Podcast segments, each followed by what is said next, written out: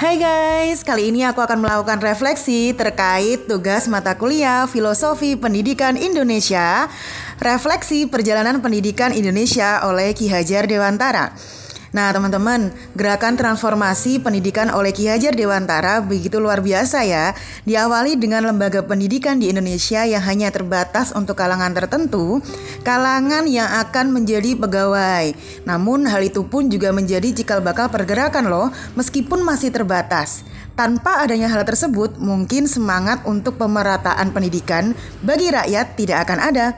Lambat namun pasti, hingga didirikannya Budi Utomo, gaungan pendidikan untuk rakyat semakin terdengar.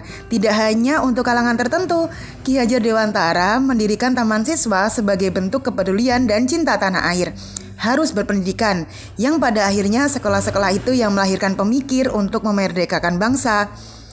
Hal itu juga tercermin loh teman-teman di zaman modern ini.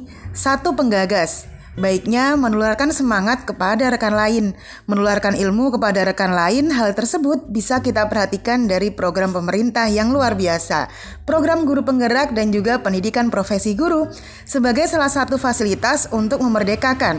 Merdeka dari ketidaktahuan, merdeka dari kekunoan. Dalam program tersebut, semua itu begitu mudah didapat mulai dari platform belajar hingga webinar-webinar di YouTube Dirjen GTK.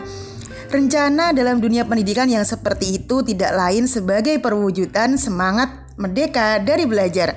Di dunia modern, guru memiliki misi besar. Selain memberikan ilmu kepada peserta didik, juga harus mampu membimbing pribadinya menjadi yang lebih baik. Sebagai contoh program PPG ini, calon guru wajib memahami bagaimana cara refleksi diri, belajar tahu apa yang tidak diketahui, belajar mengorek apa yang selama ini sudah diyakini benar oleh diri sendiri. Dalam program PPG, kami begitu dibimbing untuk tahu tuntutan dan hal-hal yang perlu diperbaiki dalam dunia pendidikan saat ini loh.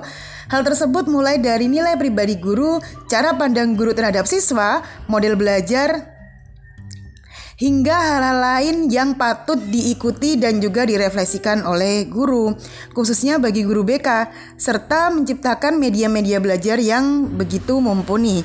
Berbagai hal baru kami ketahui dari program PPJ ini. Besar harapan kami mampu melanjutkan perjuangan Ki Hajar Dewantara sebagai perjuangan modern untuk memajukan dunia pendidikan yang lebih baik.